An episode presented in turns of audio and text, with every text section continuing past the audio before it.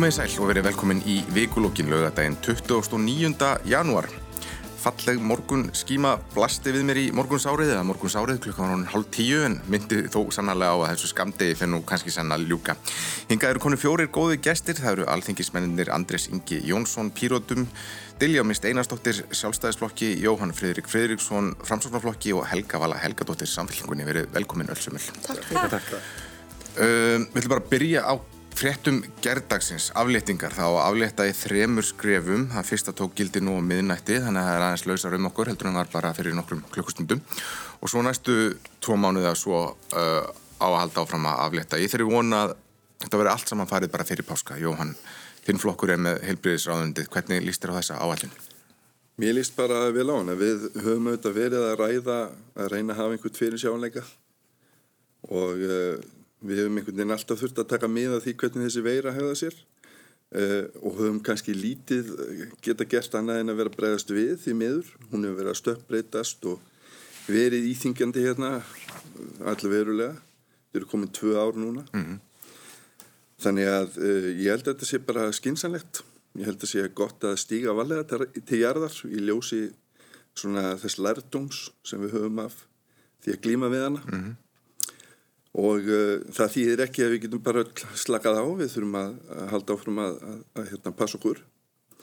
En þetta er jákvægt og ég er auðvitað múnast í þess að þetta gangi eftir. Mögulega verður hægt að vera hraðir í sakirnar en við þurfum bara að taka með því að við þurfum að vera með heilbriðskerfi hérna gangandi og í lægi mm -hmm. og samfélagið allt. Þannig að mér finnst eins og ég sagði á alþengi í vikunni það er, það er ljós við enda gangana Já og uh, ég held við þurfum að vera þar mm. Helga Vala, hvernig líst þér á? Já, það glætti mig óneitanlega að heyra að, að uh, afléttingum verði að fullu lokið á ammalistægin minn þegar ég verð 50 ég fannst þetta að vera svona skýrt merki um að ég, nú yrði ég augljóslega að halda gott partí Nei, nei, en hérna sko ég svona var aðeins hugsi yfir væntingastjórnuninni hjá ríkistjórnunni í, í, í vikunni að því að, að Nú auðvitað höfum við hlustað á svo sem Þingmenn sjálfstæðarflokksins uh, undanfærum tvö ár, mótmæla harlega. Uh, ráðherrar sjálfstæðarflokksins hafa, held ég bara allir nema innaríkisráðherra, farið mikinn í að, að það sé ekki lagastóð fyrir, fyrir uh, því sem við erum að gera. Nú síðast formaði flokksins, þannig að svona, maður átti vona á að þetta erði skarpari aflýtting. Mm. Ég bara verða að viðkjöna það. Ég hérna Eh, ég hefði þetta vilja fylgja bara ráðleggingum vísindafólks og, og, og treysti þeim í þessu betur heldur en kannski uh, sérstaklega okkur sem erum ekki með öll gögn á borðinu.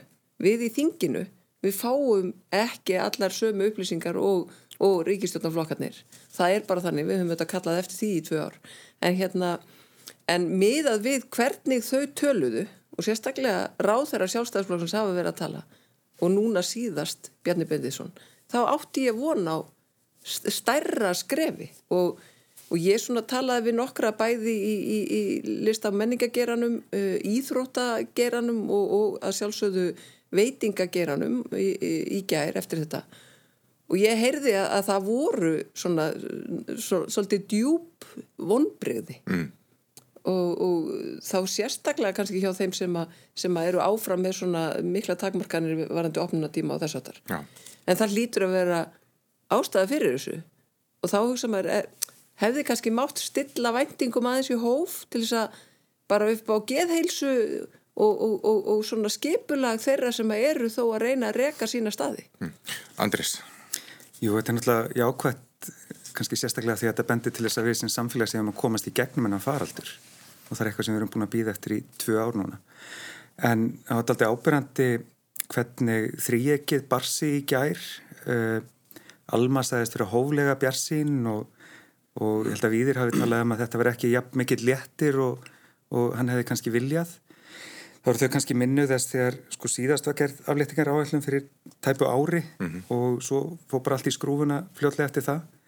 Þannig að þetta er ekki búið fyrir neitt búið og það sem við stöndum frammi fyrir ennáttúrulega sama vandamál og fyrir áru og fyrir tveim árum að helbreyðskerfið er of veikburða til að takast á við faraldra á þessari stærð. Mm.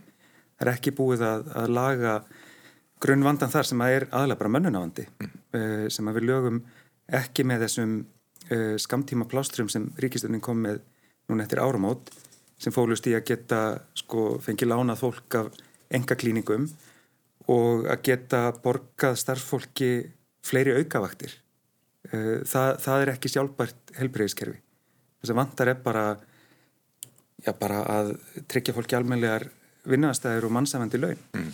og þá náttúrulega þá fyrir að stýttast í til dæmis kjærasamninga hjá hjúknarfræðingum, þeir eru lausir eftir ár og þá kemur í ljós hvort að sko, þessar hérna, þakkaræður sem við hefum heyrt í garð framlínu starfsfólks, hvort þær þýði eitthvað í alvöru þegar kemur að samningaborðinu mm. hvort að fólk fái í, í hérna launatjekkanum uh, bara viðkenningi á því að, að þetta sé ómisandi starfsfólk eða ekki Dilja á því sjálfstæðarflokknum að kalla eitthvað svona óþólumóða arminn í ríkistöndinni og, og, og, og þar hefur verið kallað eftir aflettingum í nokkuð tíma og já, voru það vonbreiði fyrir þig að það var ekki farið hraðar í sakirnar? Já, ég verða að segja eins og er að, að þessi áætlun fannst mér vera ákveðin vonbreiði af því að Helga að minnist hér á vísindin að þá er þau þetta eh, sérfræðingar hér og helbriðstasmenn sem að voru þegar búin að hefja samtal um það að sá sjúkdómu sem að við erum að glýma við í dag sé bara í rauninni allt annars eðlis heldur en sá sem að við höfum verið að takast á við núna í að vera tvö ár og það hefur bara verið þannig að þegar að helbriðseföld hafa farið í takmarkanir, að leggja á harðar takmarkanir þá hafa þau ekki beðið búðana og jáfnveil hert verulega á milli tvekja ríkisjónafunda í sömu viku. Síðan þegar það kemur að því að afletta, kemur að því að færa okkur aftur til þessa eðlæs lífs sem að við erum búin að vera býða eftir og, og takmarkið eru þetta, við getum lifað með þessari veiru, þá verðum við að taka okkur tíma og, og flýta okkur hægt. Og ég hef einfallega verið að benda þá við sjálfstæðarflokknum að stjórnvöldum er bara heimilt að beita þessum aðgerðum þegar að það er til skilgrend hætta til staðar af sjúdómi sem er ógn við almanna hell e, og þetta eru ófrávíkjanlega skiliði sem að margir af okkar sérfræðingum og helbæristagsfólki hefur verið að benda og sé bara hreinlega ekki lengur til staðar. Mm, en er það ekki hinn vísindarlega aðferð að fara valja ganga, og vilja ganga úr skugga um að þetta sé sannarlega svona eins og vísbendingar er um að. Já sko, við erum í þeirri stöðu núna, við erum eins og við höfum verið einn best bólu þetta þjóð heims. Mm. Og þegar við lítum til nákvæmland okkar og þeirra landa sem við berum okkur gerðan saman við, þá sjáum við að þar er við að vera stíga mun starri skref. Og ég hefði viljað sjá okkur ganga lengra við, við aflettingarnar og líka til þess að ég mitt að hlusta á þessa rattir sérfræðinga okkar og helbeinstafsfólks hér. Mm, en við höfum gengið lengra, við höfum aflett öllu, mm. gerum það síðast þessum, en fengið það í bakið. Já, þá voru auðvitað staðan allt önnur. Það, þegar að þeir verið að vísa til þess að við höfum fyrir uh, á síðasta ári hér aflett öllu og það hafi komið í bakið á okkur, þá var í fyrsta lægi, þó að við höfum verið líka mjög vel bólusett þar og þá, þá hefur sústaða orðið enn betri með mjög mikill þáttöku í örfunabólusetningum, það er nú eitt. Og síðan hefur orðið þessi gjörbreyting á þróun veirunar á þessum tíma. Þannig að við erum eftir því sem að ég kemst næst eftir því sem okkar sérfræðingar segja að glíma við í rauninni annars konar sjúdóm heldur um við höfum verið að glíma við hérna síðastleginn tvö ár. Mm. þannig að það auðvitað skiptir máli þegar við erum að bera saman þær aflettingar og þessar sem að eru fyrir höndum núna en, en uh, Jóhann kom nú inn að það að, að helbriðsráð þeirra myndist á það að það gæti komið til þess að við myndum afletta hraðar ef að vel gengi og ég auðvitað bara vonst til þess að það verði.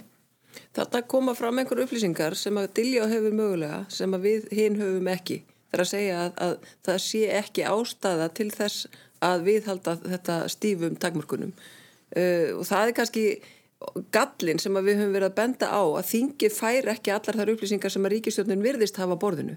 Af því að að minnstakosti þá heyrðist ekki múk í þeim ráþurum sjálfstæðisflokksins sem hafa einmitt verið að tala á sama hátt og dilja hér í dag að það sé ekki lagastóð fyrir þessum takmarkunum sem, sem að er verið að viðhalda. Þannig að það hlýtur þá að vera að það sé eitthvað slíkt plagga á borði ríkistjórnarinnar sem við hinn höfum bara ekki Ég, ég, bara, ég bara trúi því ekki að, að, að ríkistjórnin sé þá hvað að fara á, á skjön við lög? Já, er það, hefur er þú séð eitthvað slíkt, slíkt Ég er nú til, bara að vísa til þess sem að hérna, hefur komið fram í fjölmjölum meðal annars ummali frá Kára Stefánssoni frá fyrrum yfirmanni gungudeldar COVID frá formanni e, alþjóð helbriðstofnunar og fleiri. Ég er nú bara, þetta eru bara almennar ofnbærar upplýsingar. Mm. Jóhann, þetta helst auðvitað í hendur við stöðuna á landsbytalanum að hans er í stakk búin til þess að taka við, við uh, fólki sem Já. þarf á aðlýningu að halda og þrátt fyrir að séu vísbendingar um að Omikron sé töluvert mildari heldur en fyrir afbreyði að þá er það kannski ekki örugt að spítalinn geti það þótt hann hafi nú vissulega verið tekin að neðast í, í, í vikunni. Sko veruleikinni sá að, að sko smittin, Omikron smittin eru svo gríðarlega mörg og þó svo að, að það sé mun minni prósenda þeirra sem frá Omikron sem að þurfa að leggjast inn á spítala þá erum við búin að vera að sjá hérna 1000 til 1500 smitt á dag. Og það í eðli sínu bara að það skuli vera einhver sjúkdómur í samfélaginu. Það sem að 1000 til 1500 manns er að smittast er bara í eðli sínu hérna, eitthvað sem er mikið áhugjefni þannig að sko hvernig hann leggst síðan á kerfið okkar og heilbreyðiskerfið uh, þá sem eru í löggjæslu, slökkuliði og víðire þetta skiptir allt máli og spítalinn er á neðast í en spítalinn hefur verið að taka saman sín gögn og rýna þau og það, það breyttist strax hljóðið í þeim þegar þau sáu að, að það voru ekki eins margir að leggjast inn. Mm -hmm. þannig ég held að allir séu bara að vinna saman í þessari vekkferð að reyna að tryggja það að heilbriðiskerfið haldi og smátt og smátt komust við út úr þessu og það sem ég horfið náttúrulega fyrst og fremst í og, og ber mestar vonir til það er það að Omikron taki hérna yfir og við náum hér hjarðónami e, á endanum sem að verður náttúrulega best til þess að opna hér algjörlega samfélagið og, og komast aftur til fyrra horfs mm, um, í... hvenar það gerist er aftur á móti síðan málið ja. og vonandi bara er það málið við fengum til dæmis hérna bólefna sínum tíma það sem við byggumst við því að, að við myndum fá hérðanum sem gerist ekki. Staða... við erum alltaf að læra en, en staðan á, á uh, landsbytalanum hefur svolítið stýrt viðbræðinu og á þessu tveimur árum það hefur maður hefur á tilfinningu að minnst að menn sé að horfa þrjá mánuði fram í tíman er áfællistómur að hafa ekki yfir bara stjórnlutum að hafa ekki hortherru nú þurfum við að hugsa tvö ár, fimm ár, tíu ár fram í tíman og sjá til þess að kerfið ráði við þetta. Væru við á öðrum staði það hefur verið gert núna til dæmis? Sko ég held að við séum bara klímaðið sama og aðra þjóðir hafa verið að klímaðið varandi þennan heimsfaraldur og eitt af því sem ég bendi á í ræðum minn á alþingi að, að við þurfum að læra af þessum faraldri og við þurfum að velta fyrir okkur til dæmis hérna á Íslandi þurfum við að setja hér upp sérstakka sótarnar stopnum til þess að breyðast við þeim faraldrum sem öllum líkindum koma næstu árum mm. uh, til þess að við séum þá betur í stakk búin til þess að takast á við það uh, þessi meira samtala á milli stopnana uh, það hefur verið kallað eftir meira samröði við alþingi. Það hefur verið kallað eftir meiri upplýsingagjöf uh, á milli helbriðstopnana og, og svo með lengi telja. Og ég held að þetta sé allt verkefni sem við þurfum að fara í núna og, eh, og við þurfum að reyna að tryggja það að, að, hérna, að kerfið okkar geti tekist á við svona áfall. Mm. og þetta er auðvitað einstakt og þetta er einstakki tímar að vera búin að lifa þennan heimsfæraldur og, og hérna, þetta hefur opnað augumanns fyrir til dæmis mikilvægi líðhelsu, almennar heilbreyðismála og, og hérna, samspili skólakerfisins og heilbreyðiskerfisins, allt er þetta eitthvað sem við stjórnmálumennir þurfum að sittast yfir og, og ræða mm. og einmitt koma með langtíma sína og plan er, svo er alveg holdt að hugsa tvö ára aftur í tíman eða þrjú ára eða hvað það er vegna þess að vandi landsbítalans er ekkert bara út af COVID. Landsbítalin var í vanda fyrir COVID uh, sérstaklega varandi mönnun. Uh, það er bara búið að vera viðvarandi vandamál árum saman og það endur spekla bara að spítalin býður fólki upp á aðstæður og laun sem að fær fólk ekki til að vilja vinna þar. Mm. uh, og það að það hafi þurft að færa alla orku spítalans í að takast á við hennan faraldur hefur þýtt annars vegar alveg ofbóslegt álag á fólk sem nú þegar var undir álagi sem starfsfólk landsbytala en það hefur líka þýtt að öll önnur starfsemi hefur verið í hægagangi eða jáfnveil algjörlega á byggð og þá var búin til sérstakur hópur aðgerða sem voru kallaða svona valaðgerðir og ítt algjörlega til hliðar. Og þegar eru komin tvö ár að því ástandi að það sem að flokkaðist sem var alaðgeri fyrir tveimur árum er ennþá á byggð þá þurfum við að fara í gegnum þann list og átt okkur á því að suma þeirra eru bara alls ekkit valkvæðir. Þetta er ekki, mm -hmm. ekki aðgerið sem að fólk fer í bara svona ganni sínu. Það til dæmis að byrtast viðtali gær við konu sem er búin að býða í 65 vikur eftir nöðsynleiri aðgerð sem hluta af kynleirindikaferli og fyrir transmanniski að býða þetta lengi eftir því að, að fara í gegnum ferli það hefur bara ofbóslega slæm andlega áhrif og, og, og te, tefur allt ferli þannig að sko uh, við erum núna komin að þá stað að fullta þessum aðgerðum þessum innan gæslega valaðgerðum eru bara það er farið að hastadaldi að við komumst í þær mm.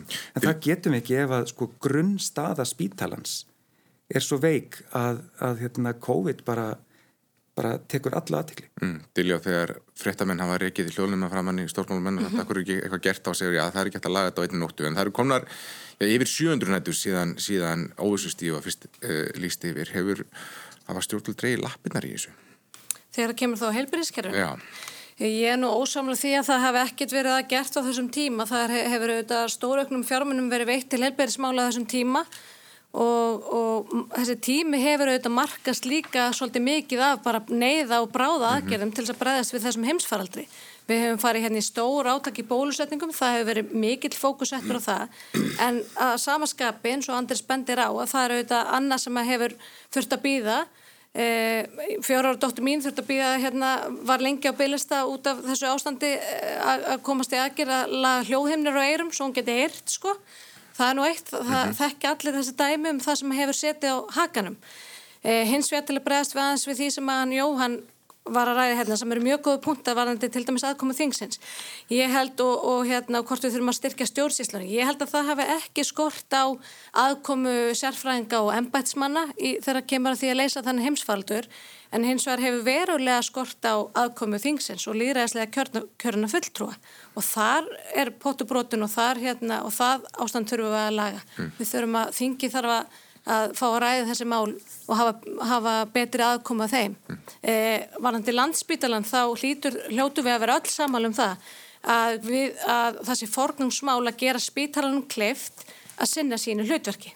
Hins vegar, svo bara vitna sér til orða eh, fyrir um, eh, formans gungudeldar COVID, að þá getur það ekki orði hér viðtekinn venja og viðhorf að samfélagi stilli sig af bara til lengri tíma til þess að vernda innviðana til þess að venda spítal þannig að það er í mörg hortna líta. Já, þetta var algjört likil orð uh, við getum auðvitað ekki haft þannig samfélag að við þurfum að fara í neyðarstig uh, vegna þess að innviðinir eru svo veikbúnir. Og það er pólitísk ákvörðun, ákvörðun að hafa grunn innviði sem að sko lúta að almanna öryggi í landinu svo veikbyggða að það þurfa að skerða personu frelsi alls almennings í landinu. Mm. Þetta er á ábyrð stjórnvalda ef maður horfir á, á, á þennan, þennan heimsfaraldur í heilsinni þessi tvö ár, þá er alveg rétt sem að Jóhann segir að við höfum þurft að bregðast við stundum frá degi til dags eh, varðandi heilbyrðiskerfið en það eru samt aðrir þættir sem að hefði mátt gera betur og miklu miklu betur það voru önnu ríki sem fóru til dæmis í það að umbuna heilbyrðistarsfólki verulega til dæmis með skattaafslætti með, með tvöföldun personu afsláttar og, og svo framvegis og svo framvegis.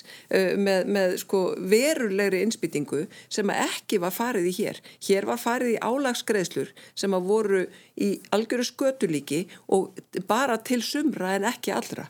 Þeir sem eru til dæmis uh, starfandi á, á, á hérna, stopnunum utan landsbítala fengu ekki slíkar álagsgreðslur uh, sjúkraflutningafólk fekk ekki slíkar álagsgreðslur eða lögreglan. Og, og það er eitt sem er heldur hefur lítið verið fjallaðum og það er til dæmis þeir enga aðilar sem er að lána starfsfólk í sínatöku, bólusetningar og svo framvegis eru sjálfur að kosta laun þess starfsfólks af því að ríkið hefur neitað að greiða fyrir þessa, þetta hjálpar kall sem hefur komið þar sem að, þar sem að enga aðilar eru að, að, að lána sitt starfsfólk. Og, og, og, og það er ekki enþa búið að leiðrétta þetta.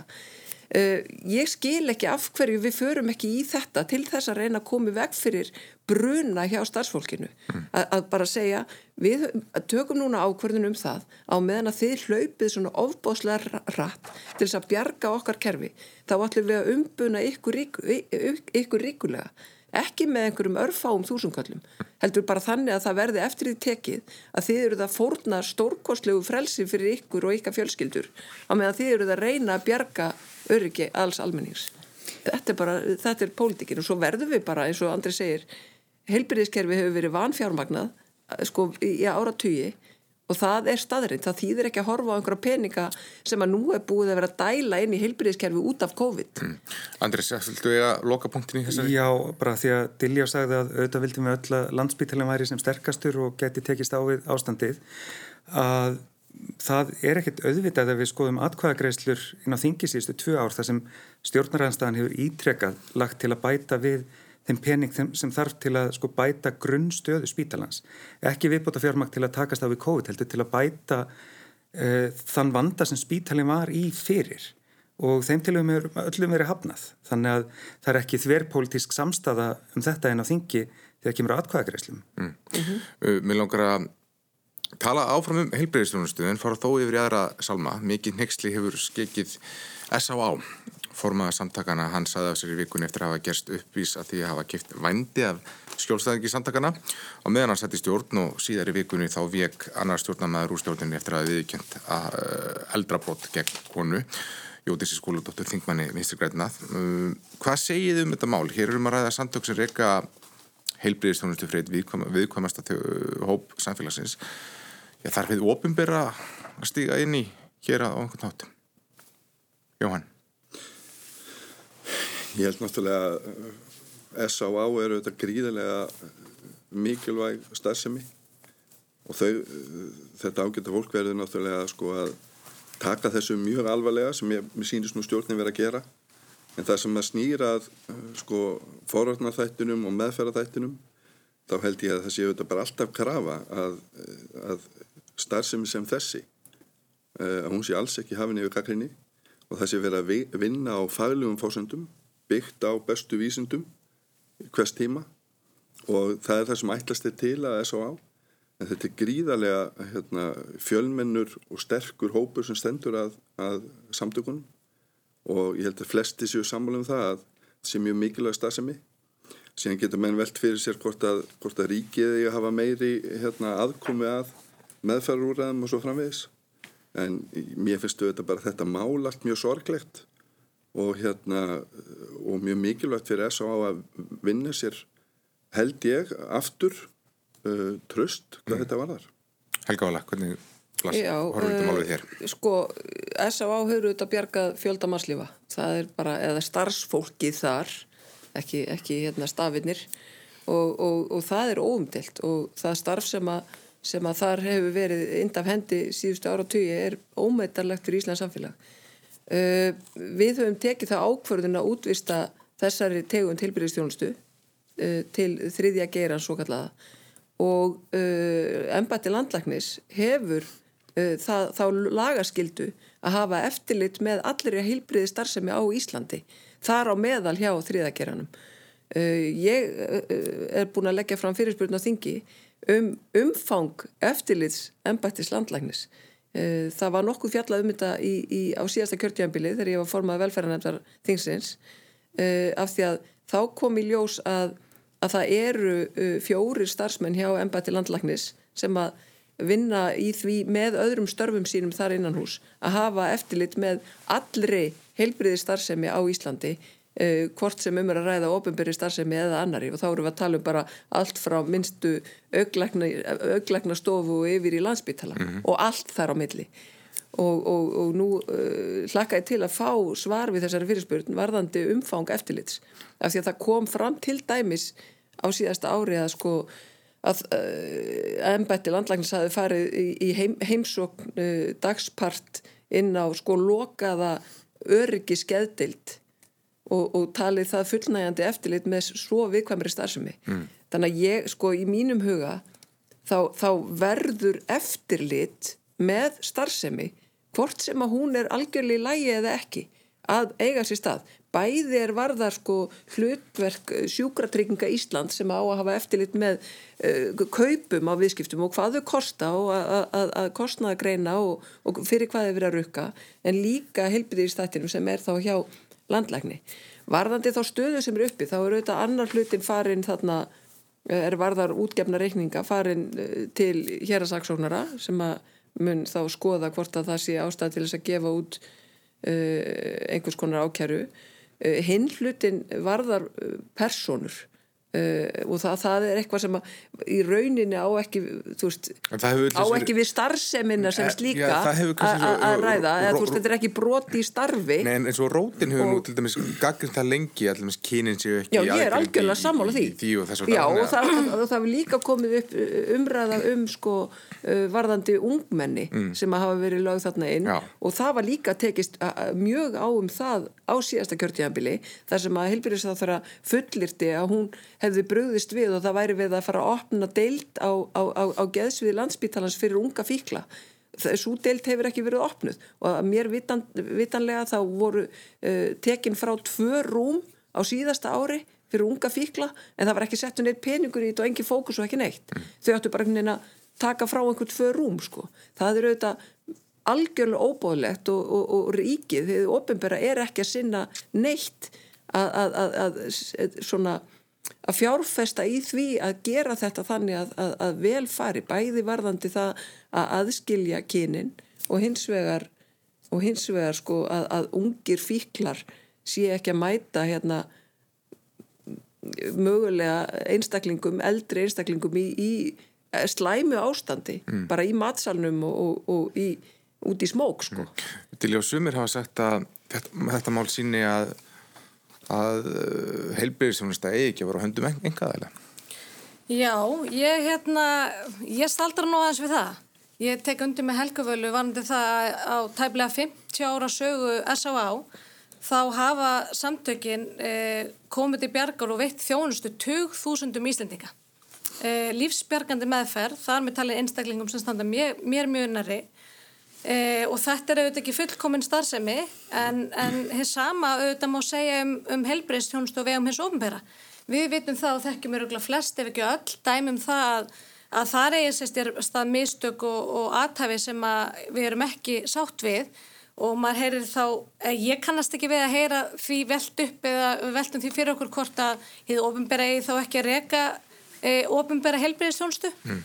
E, þannig að ég staldar svolítið við þetta viðhorf Uh, ég held að uh, væri, væri ekki einhverju, einhverju skýrari þá kannski ferðlar um, um hvort að viðkomandi um afleðingar fyrir viðkomandi að hann þurft að víkja starfi eða einhverju slíku eða Já, eins og Helga Veli bendir á og það eru þetta til staða, staða skil, skýri fer, ferðlar og ja. eftir skilda hins ofinbera hins vegar eru þetta uh, eh, S.A.O. eru nú ekki hefðbundin engar ekki aðeli heldur grásútarsamtök mm -hmm. sem að reyka samtökinn Uh, og ég held að uh, og mér sýnist á öllu að, að þetta mál sem að er ömulegt og, og, hérna, og ég er ekki komin hér til að afsaka fyrir eitthvað heldur en annað að það verði til þess að það verði bara að fara ofinn sauman á því og farið vandlega yfir alla ferla og að við, lög, að við draugum bara mjög dýrmættan og al, alvarlegan lærdom af þessu málu og þessum málum.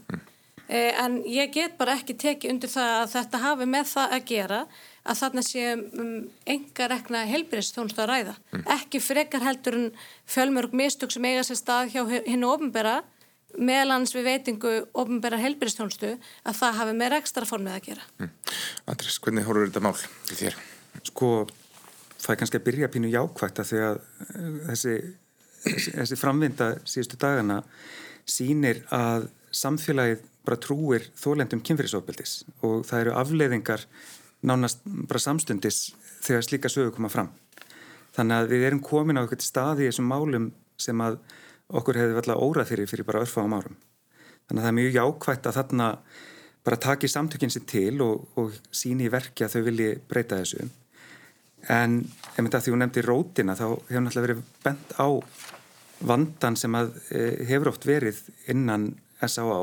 varðandi sko bæði kynfyrslega áreitni og jáfnveil ofbeldi sem komið alltaf óvart að hefði kannski ekki verið tekið jafn alvarlega og, og hefði átt að gera.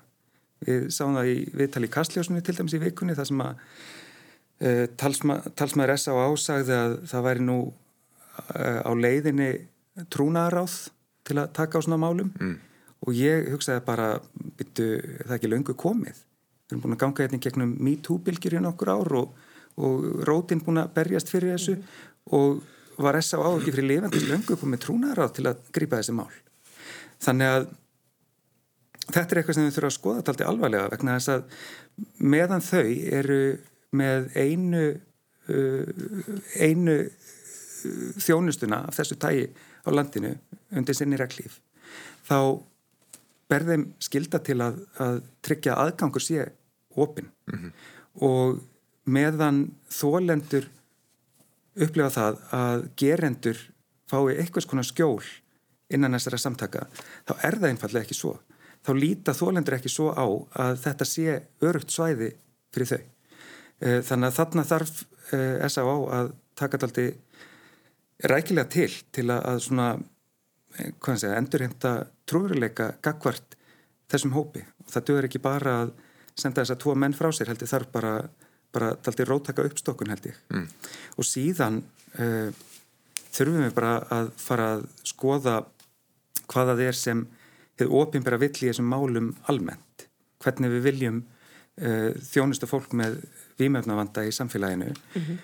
og þó að S.A.A. hafi lift grettistakki í þeim öfnum þá held ég að sé ekki sko, sjálfbært til lengtir að það sé í rauninni eina stofnunni sem gerir það mm. uh, og þá væri kannski eðlegast að, að ríkið væri með einhvers konar sambarilega þjónustu fyrir fólk sem að einhverju hluta vegna getur ekki eh, leita til þess að á. Mm. Dilja, þú vilt bregðast þessu? Já, ég vildi fá að bregðast aðeins við þessu uh, af því að, og, og kannski líka til viðbútt þessum punkti uh, varandi aðkomu ríkisins.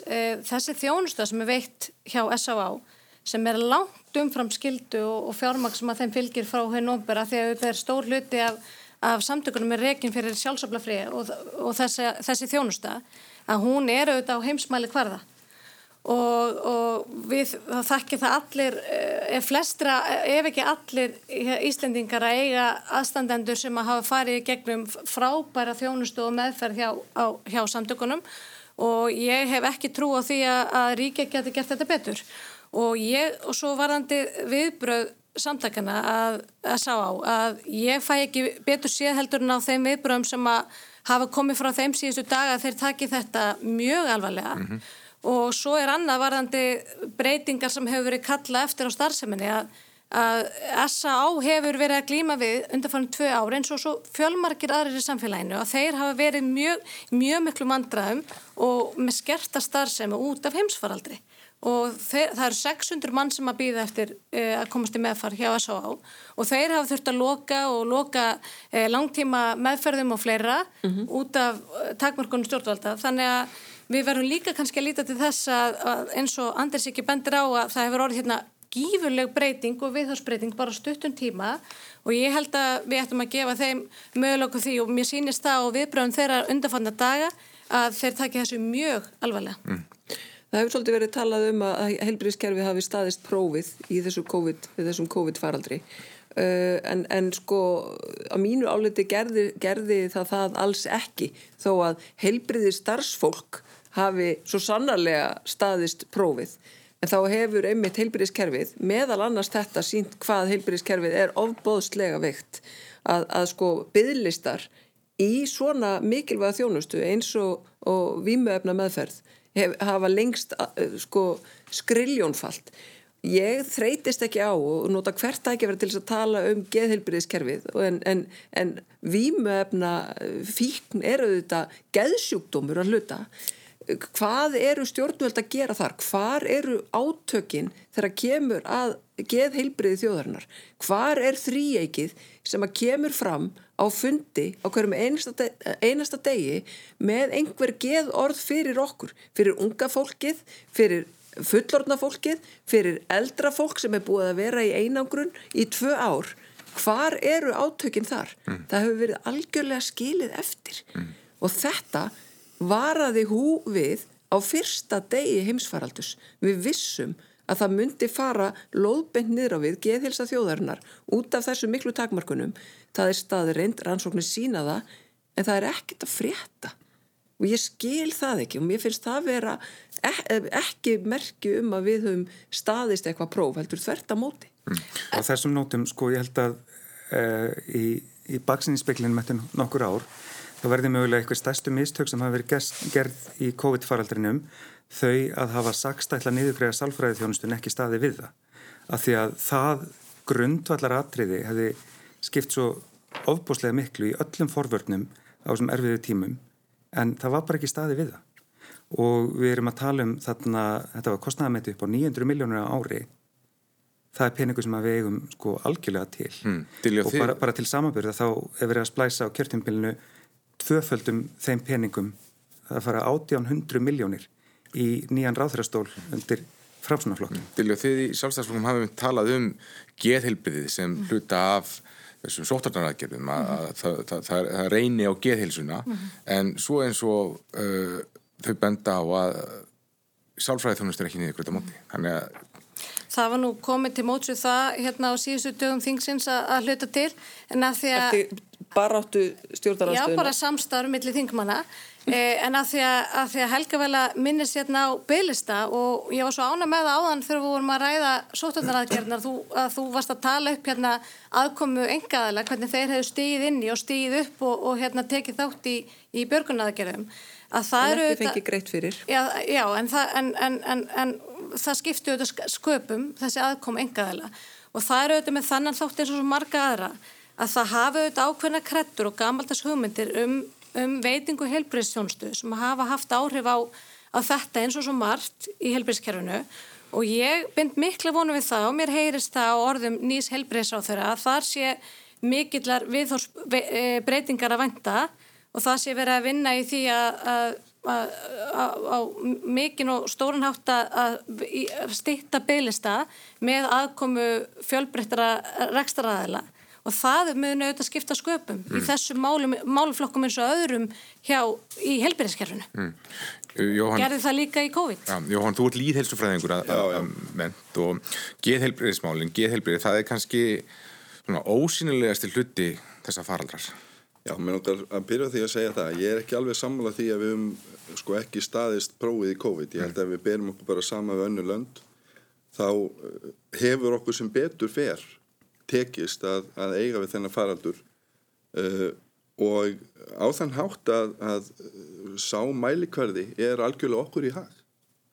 Uh, síðan er uh, hér talað um heilbyrðiskerfi og það er sannlega og var fyrir þessa kostningar stóra málið og það hefur nú verið nefnt að COVID hafi svolítið svona e, einhvern veginn gert að verkum að ímis pólitísk umræða fór ekki fram og við vorum svona mm. bara í þessum ham og ég held að sé alveg hægt að taka undir það mm -hmm. og ég fagna bara þessari umræðu e, bara út frá mínum bakurinni get ég sko sannlega sagt að geðhelbriðismálinn forvartinnar hvernig við erum að manna ennbætti landlæknis hvernig við erum að sjá fyrir okkur að bregðast við sko breytri demografi á Íslandi, hækandi lífaldri og svo maður lengi telja, allt þarf þetta að spila saman inn í það að við séum með heilbriðiskerfi sem við sjáum fyrir okkur að geti tekist á við þær áskorunir til næstu 30-50 ára. Og ég held að það sé pólitíska verkefnið mm -hmm. núna að fara í það vegna þess að undanfærin tvö ár þá höfum við sannlega bara verið í í, í því að glýma við eitthvað erfiðasta heilbriðis ástand mm. sem hefur komið upp hérna undanfærin hundrað ár, það er bara staðrind mm. Og þess vegna þessi umræðum um, um rekstraformið og umræðum það hvernig við erum að skapa umgjörð til þess að heilbriðistarsfólk vilji vinna hjá okkur á landsbítalunum og svo maður lengi telja þetta er ofsalega stór og mikilvægu málaflokkur. Og hann er pólitískur alveg eins og líðhelsan er pólitísk. Og við erum að taka þessu umræðu og mér hlakka til að taka þessu umræðu. Út af þessum heimsfaraldri munum við sannlega og við bara vitum það, rannsóknir sína það fá annað áfall sem er þetta eftir á áfall sem við sáum til dæmis í íslensku samfélagi eftir hrunið. Það sem við erum að sjá fólk fara í, í hérna kulnun. Það sem við erum að sjá fólk eiga erfitt með það að svona fungera í daglugu lífi vegna þess að það eru íþingjandi áhyggjur sem að koma eftir á þegar fólki búið að standa sér gegnum stormin og við þurfum að vera tilbúin til þess að takast á við það. Helbriðiskerfi verður að vera tilbúin til þess að takast á við það. Stjórnmálinn verður að gera það líka og það er verkefni í næstu mánuða hjá okkur held ég að byrja þessa verkefni. Þetta er príðilegur ingangur inn í næsta umræðu efni af því að, já, fyrst ætlaði að segja ef þið voru að koma við tækjunum þá voru að hlusta á vikulokkin. Gesti mínir eru Jóhann Fredrik Fredriksson Helga Vala Helgadóttir, Andri Singi Jónsson og Dilljó Mist Einarsdóttir.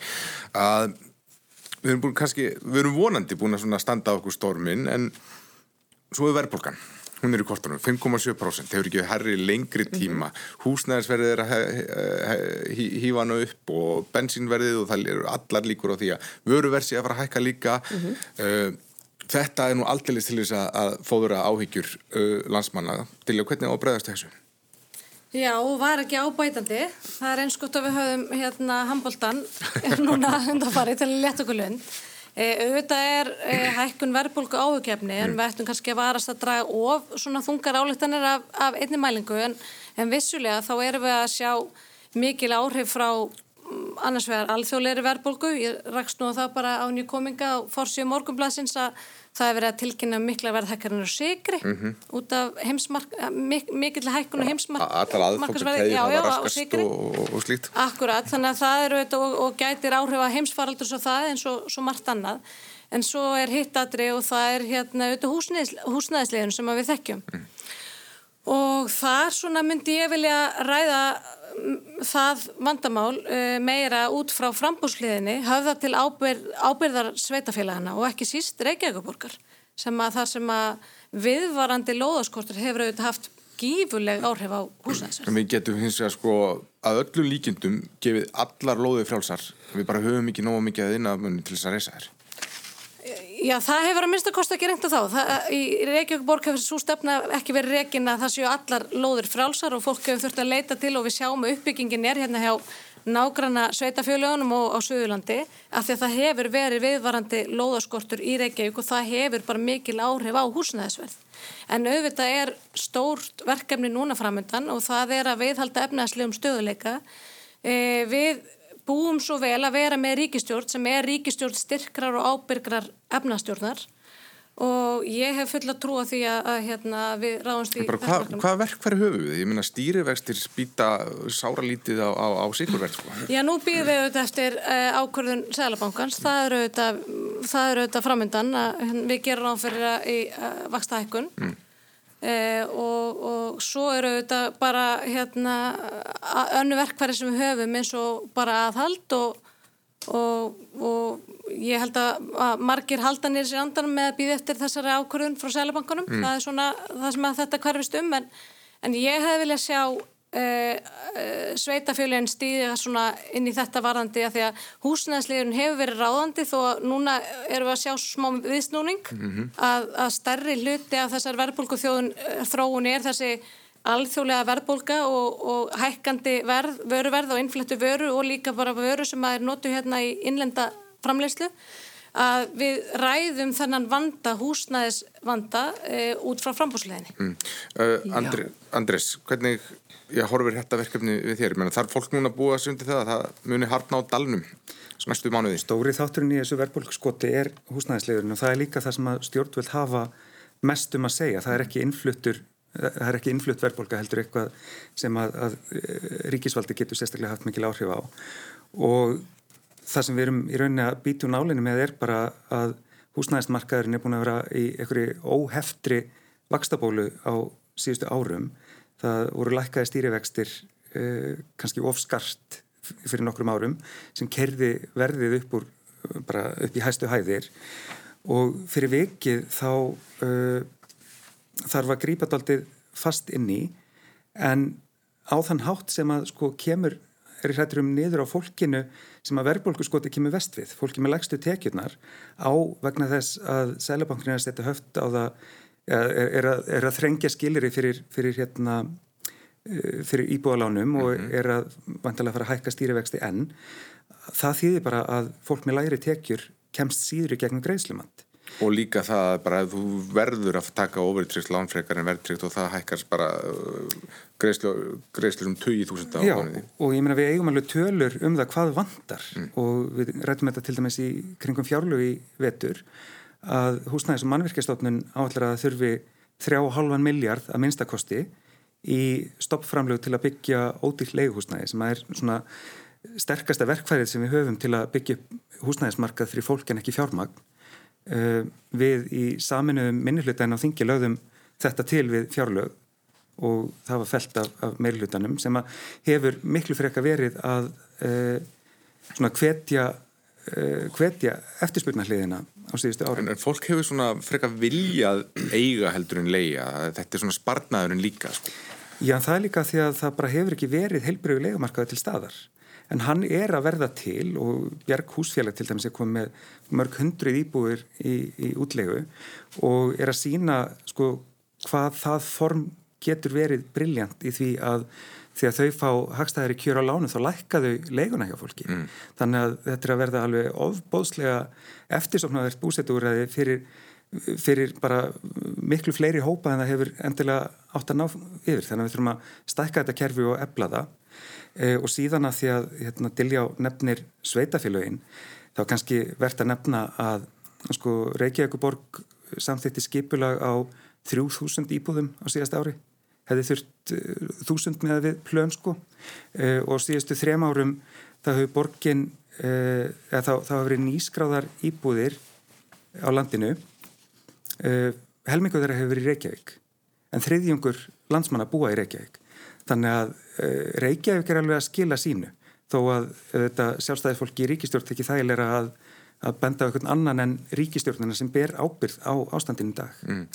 Helga Valamar heyrir að fórseti ASI, það eru kjara samningalauðsir mm. á árinu og, og Drífa Snædal, hún hefur lagt áherslu á húsnæðismálinn að já, já. Þau, þau kannski verði í fólkvangi. En hvað er, hvað er til ráða? Hvað, hvernig er hægt að leysa höggum hútin í þessum eftir? Já, ég menna, við tökum algjörlega undir það sem að ASI eh, sagði í gær og þetta hefur verið rauðið þráðurinn í okkar málflutningi síðustu ár uh, ríkistjórnin hefur því miður farið þá leið að, að auka mjög við eftirspurnaþáttin þegar kemur að, að húsnæsmálunum að, að sko fara miklu meira í það að hjálpa fólki að skuldbinda sig alveg upp í rjáfur, skuldsetja sig alveg upp í rjáfur uh, í staðin fyrir að einmitt eins og Andris talar um að, fara frekar í að búa til og hjálpa til við þessi óhagnaði drifnu uh, húsnæðisfélög og þá eru við bæða að tala um legufélög og, og, og auðvitað til þess að kaupa uh, bara félagslega húsnæðiskerfið. Við þurfum að endur reysa það.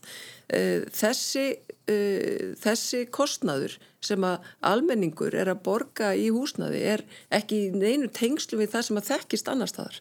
Og við eigum að stefna á það að það fari ekki meira en 25% af ráðstöfunatekjum í húsnaði og það er rétt sem að Andri segir að það hefur verið fordæma laus fjölgun á íbúðum í Reykjavík á síðustu, síðasta kjörtíðanbili fordæma laus og það sína það allar tölur. Það er eins og er ekki hægt að segja það sama í þeim sveitafélögum þar sem að sjálfstæðisflokkurinn til dæmis eins og í hefnafyrði er, er, er að reyka Og, og, og, og svo sem annar stað mikil uppbygging en, en, en, já, mikil uppbygging en ekki á neinu, neinum þeim skala sem hefur verið að gerast í Reykjavík. Þetta er, þetta er tóm mandra sem er ekki tengslu við raunveruleikan það er bara þannig. Við verðum auðvitað að, að, að, að kalla eftir því að stjórnvöld fari núna af fullri hörku í það að sko að auka við frambóðsliðina í húsnæðismálum. Mm. af því að þetta er bara stóri, stóri þátturinn. Mm. þetta, er, þetta er algjört lekil atriði mm. Jóhann? Já, ég ætlum ekki að fara að ræða hérna, borgarpólitíkina en, hérna, en, en ég skil alveg að það fyrir að líða því að það fyrir að vera heit umræða. Sko Íslendingar bara við sjáum það bara þegar við spurjum Íslendingar hvort þeir vilja vera á leikumarkaði eða eiga sín eigin íbúð þá bara líkur alveg fyrir að fólk vil að sjálfsögðu eiga sitt eigið húsnæði. Og og ríkistjórnin hefur að sjálfsögðu stíð inn með hluteldalán og ímislegt sem eru auðvelda fólki að kaupa sína fyrstu eign. Hann býr líka til eftirspurt sem íti verðinu. Sanna, sannlega, sannlega og allt það er þetta haldast í hendur. E, í mínu sveitafélagi Reykjanesbæ hefur hérna, verið til Nóalandi, Nóalóðum, fjölgun hefur verið fordæmalauðs 6.000 manns á einhverjum 4-5 árum. Stýrt af jafnaðamönnum, það borgar sig. Já og, og hérna vel stýrt og svo að sem við tekið fram. En, en auðvitað hefur þetta gert það að verkum að sveitafélagi hefur líka þurft að breyðast við og ymsanhátt með þessari hérna, fordæmlösu fjölgun með meiri þjónustu og þetta þarf alltaf að haldast í hendur. Og það sem ég held að við þurfum að gera er það að við þurfum að leggja áherslu á þetta samtal hvernig við getum haldið þessum balans. Þannig að við erum að tala um það að er það ábyrðið ríkisins eigum við að leggja, eigum við að leggja hvaðirnar á sveitafjölugin og segja sveitafjölugin hérna er fyrst og fremst að koma meira loðaframbóð og, og auðvelda hérna, til dæmis óhagnaða tripnum leigufélögum með, með hérna, í sínum hlut inn í þann baka, sveitafélagin hafa þá skildu en mér finnst svona vant af svolítið þessa yfirsýn. Mm. og fyrir kostningarnar hérna, ekki núna heldur síðast, þá var stóra málið húsnæðismálið. Það voru gatt fólk ekki kift sér fastegn og það var, voru kostningamál hjá flestum flokkum, hvernig getur við bröðust við því og þannig að sko okkur hefur tekist, al, al, ég held ágætlega upp mm. en vegna þess að uppalega spurningin var nú verðbólgan. E, þá hef ég verulegar áhyggjur af því eins og aðrir hér og ég hef ekki síst áhyggjur af því ef það kemur til einhvers konar ófriðar í Evrópu að, að þá muni aðfeng hér ólí og ymmislegt annað frávara hækka enn frekar sem mun þá skila enn frekari verðbólgu hér á landi og víða í einu vestrana heimi og þetta er rosalega mikil mikið áhyggjuefni og hvernig við bregðumst við þessu verður stóra málið efnaðslega. Ég verða að bregðast aðeins við varðandi yfirsýnina því þar er það að, að, stjórnvalda, ríkistjórnarinnar að hafa yfirsýnina og við kalluðum eftir því þegar var verið að afgræða þetta með hluteldalánin og þegar það mál kom inn sem að Sæðlabankin notabenni varaði mjög við að því þeim leist ekki á hvernig væri verið að búa til það program að þar var algjör skortur á yfirsýn og, og þarfa greiningu eftir landslutum, þarfa greiningu eftir tegund íbúða á þess aftar. Súvinna var ekki unnin og, og, og því rauninni, já. Mm, til já. Já, ég ætlaði bara aðeins að fá að bregðastu þessu. Uh, á síðasta kjörtímabili eittir ríkið að minnsta kosti 16 miljörðum í, í almenna íbúðuppbyggingu. Og svo eins og Jóhann fór hérna yfir að þá var til þess að bregðast einmitt við þessar umræðu og ákalli kjósanda um, um það að geta einhvern veginn fjárfest í eign að það var bröðust við úrræðum eins og með úrræðum eins og hlutildalánum mm. og ráðstöðun sérregnarspartnar og við sáum það að hlutfall fyrstu kaupanda hefur aldrei verið herra og það er mjög ánægilegt. En það býr til í þetta eftirspurning á því að frambúðið er lítið, þá íti það verður. Það er nákvæmlega það sem að vandamáli, að frambúðið er lítið. En er það ekki ábyrðarleysi að, að, að auka út eftir? Ég, ég hef viljað sjá, ég hef viljað kalla eftir ábyrð sveitafélagin, ekki mm. síst Reykjavíkuborgar og þessar tölu sem að, hún helga velja að nefna hérna samtök innan er nú nýbúin að gera skýslu og taka þetta út varandi loðaframbóð í, í Reykjavíkuborg og við vitum það að það hafa verið byggðar hérna upp á rándýrum þjættingareitum dýrar íbúður sem ung fólk hefur ekki efni á. Og hvert hefur það farið eins og þú nefnir, það hefur farið meðlands í Garabæ, það sem hefur verið mikil íbúð uppbygging fyrir ungt fólk Uh, ung fólk hefur einfallega þurft að leita út fyrir Reykjavík til þess að kaupa sér sína fyrstu eign. Það er mjög sorglega. Er, er það ódýrasti kosturinn fyrir ung fólk? Það hafa verið byggðar íbúra minnstakosti sem ungt fólk hefur efna og það, þær eru bara ekki til staði Reykjavík. Uh, Littli bróminn var nú að fæsta að kaupa á íbúð, sinni fyrstu íbúð núna á dögunum og, og er, staðan er bara þannig Reykjavík að það er hvert einasta opna húsum er haldið, þá kan mæta týjir einstaklinga, alveg sama í hvað ástand eignin er. Ég veit þú svoleiðist að mjög garðabæ líka og allar, ég meina, og allar eignir eru Nei, þetta er ekki bara höfuborgarsvæði, þetta er ekki staðan bara það Þetta er náttúrulega blóðut fyrir okkur, okkur sem erum, erum frambjöndur og, og stjórnmálumenn í Reykjavík, við bara missum allt okkar besta fólk til nákvæmlega sveitafélag og ég bara kalla eftir ábyrði Reykjavíkuborgar mm. Þess varðandi sko þjættingareitina þá kannski rétt að bara halda það til haga að þar er ekkert bara byggðar eitthvað að dýra luxusýbúðir. Heldur við borginn sett sem mjög skýra stefnu varðan þess að þéttingareikti að þar sé byggðin blönduð og þar verið meðal annars ódýra leiguðbúðir. Þannig að Bjarg húsfélag til dæmis er búið að byggja alveg sko brilljant raðhúsablokk á kirkjusandi í hverfinu mínu. Þar eru líka eitthvað hérna, luxus pentásýbúðir en, en það, það, er, það er blöndun í þessu hverfi. Þannig að það, það er alveg þvæla að þéttingareitirnir haldi tekjulegu fólki í burtu.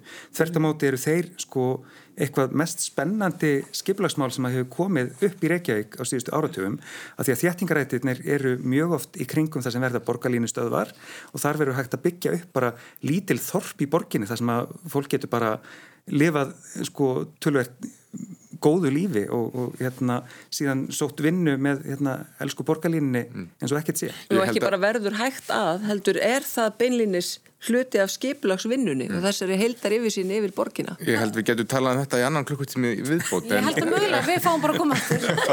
en bara svona rétt í lokin, uh, hvað segir þess að hugmynd Björns, Björns Levi sem að skipt út, skipt út uh, kórunni á Ég, hérna, ég satt nú í, í mötuniti alþingis og var að horfa á, á hérna handbóltan og vildi þannig til að við Björn Levi sátum saman. Ég, hún er sínu ekki að, að blæra neinu í lindamáli en, en hann gaukaði mér heyrðu, ég komin hérna það komið hérna þessi hugmynd með kórun Ég segi, ha, hva, hvað er það? Já, bara taka hann af þingahúsinu og þetta, þarna var einhverju tveir tímar í, í sko, Ísland-Damörk-leikin og ég held að sjálfsögðu að hann væri bara grínast sko. og fannst þetta bara hlægilegt og þarna kom einhverjir þingmenn og, og svo bara fer ég að horfa leikin og hann fór eins og hann fór og svo er þetta bara komið á, á, á fjersbókina þarna einhverju fimm mjöndur setna Já, mikill meðbyr. Já, og, og, mikill meðbyr um þetta og ég hefði aldrei velt þessu fyrir minn eitt sérstaklega, mm. nú alltaf þótt þingusi afskaplega fallet með þessari kórunu það núna og hérna það er sjálfsagt að taka þessu umræðu en mér fannst tímasetningin svona ah, ég veit það ekki, við, við getum ekki neinum umkent, okkar gengi var frábært á þessu móti og við hafðum það sjálfsagt í okkar hendi hvernig, hvernig það fór allt saman. Þannig að ég fann síðan umræðan um, um, um Ísland, sko, Danmörk eh, einhvern veginn fara að snúast út í það að við værum svona með einhverja minnum átt að kenda gafast einhverja herraþjóð og, og, og það er að leiðandi fannst mér þetta ekki orðið sérstaklega málefnalegt lengur. En um að gera að taka þessa umræðum hvort að við um að vera með merki Danakonungs á, á þinghúsinu sko. Hvað segir þú, Dilljá, kannski bara svona um Dana? Já, mér finnst þetta, þetta er skemmtileg umræða og ég hlakka til að ræða þetta á, á þinginu en ég er svolítið hugsi yfir þessu svona, ég er eins og Jóhann, ég er hans búin að velta þessu fyrir mér eftir á við erum með minnjastofnum sem er á fulli því að varðveita einhvern veginn menningasögun okkar í sínu umhverfi. Þetta er óumfríðinlega partur okkar sögu. Kannski bara komin tími til að við hættum að vera með svona kompliseruð yfir henni. E, þetta er eins og Jóhann segir bara fallegt hús og, og, hérna, og þetta er kannski bara óþarfi. En, en skemmtileg umræða. Andrés Náttúrulega besta við Björnlefi er að hann fær svo flippaður hugmyndir að hann er alltaf að vekja okkur til umhugstunar og þetta er bara klassa dæmi um það. Og auðvitað er aldrei astnalegt að fórseti alþingis Íslendinga seti bara loðbeint nákvæmlega undir danskri kórunu og einmitt afléttingar á öllum kóruna ætti kannski að ná við þetta líka en, en, en sko stærramálið er kannski að þinghúsið ætti bara að vera sapnfrekara því að salurinn henda til dæmis ekki 2001. öldin og við þyrtum kannski bara taka lóðina við hliðina og byggja þar nútímanlegan sal sem er ekki með neinum dönskum konungsmerkjum. Já, Helga vel, hún er svona tíu sekundur. Já, bara fáum nýja stjórnarskrá. Þa, það er það eina sem ég vil segja, sko. Já, já, Skiptum út dönsku stjórnarskráni, mér er alveg saman hvort það er segja eitthvað, eitthvað merki á þingúsum. Kæra ekki verið komin að Dilja Mist Einarsdóttir, Andris Ingi Jónsson, Helga Vala Helgadóttir og Jóhann Fridrik Fridriksson. Ég því að ég gera eitthvað skemmtilt um helgina þó ég hef ekki náða að spyrja ykkur út í það. Ó, takk, takk. takk.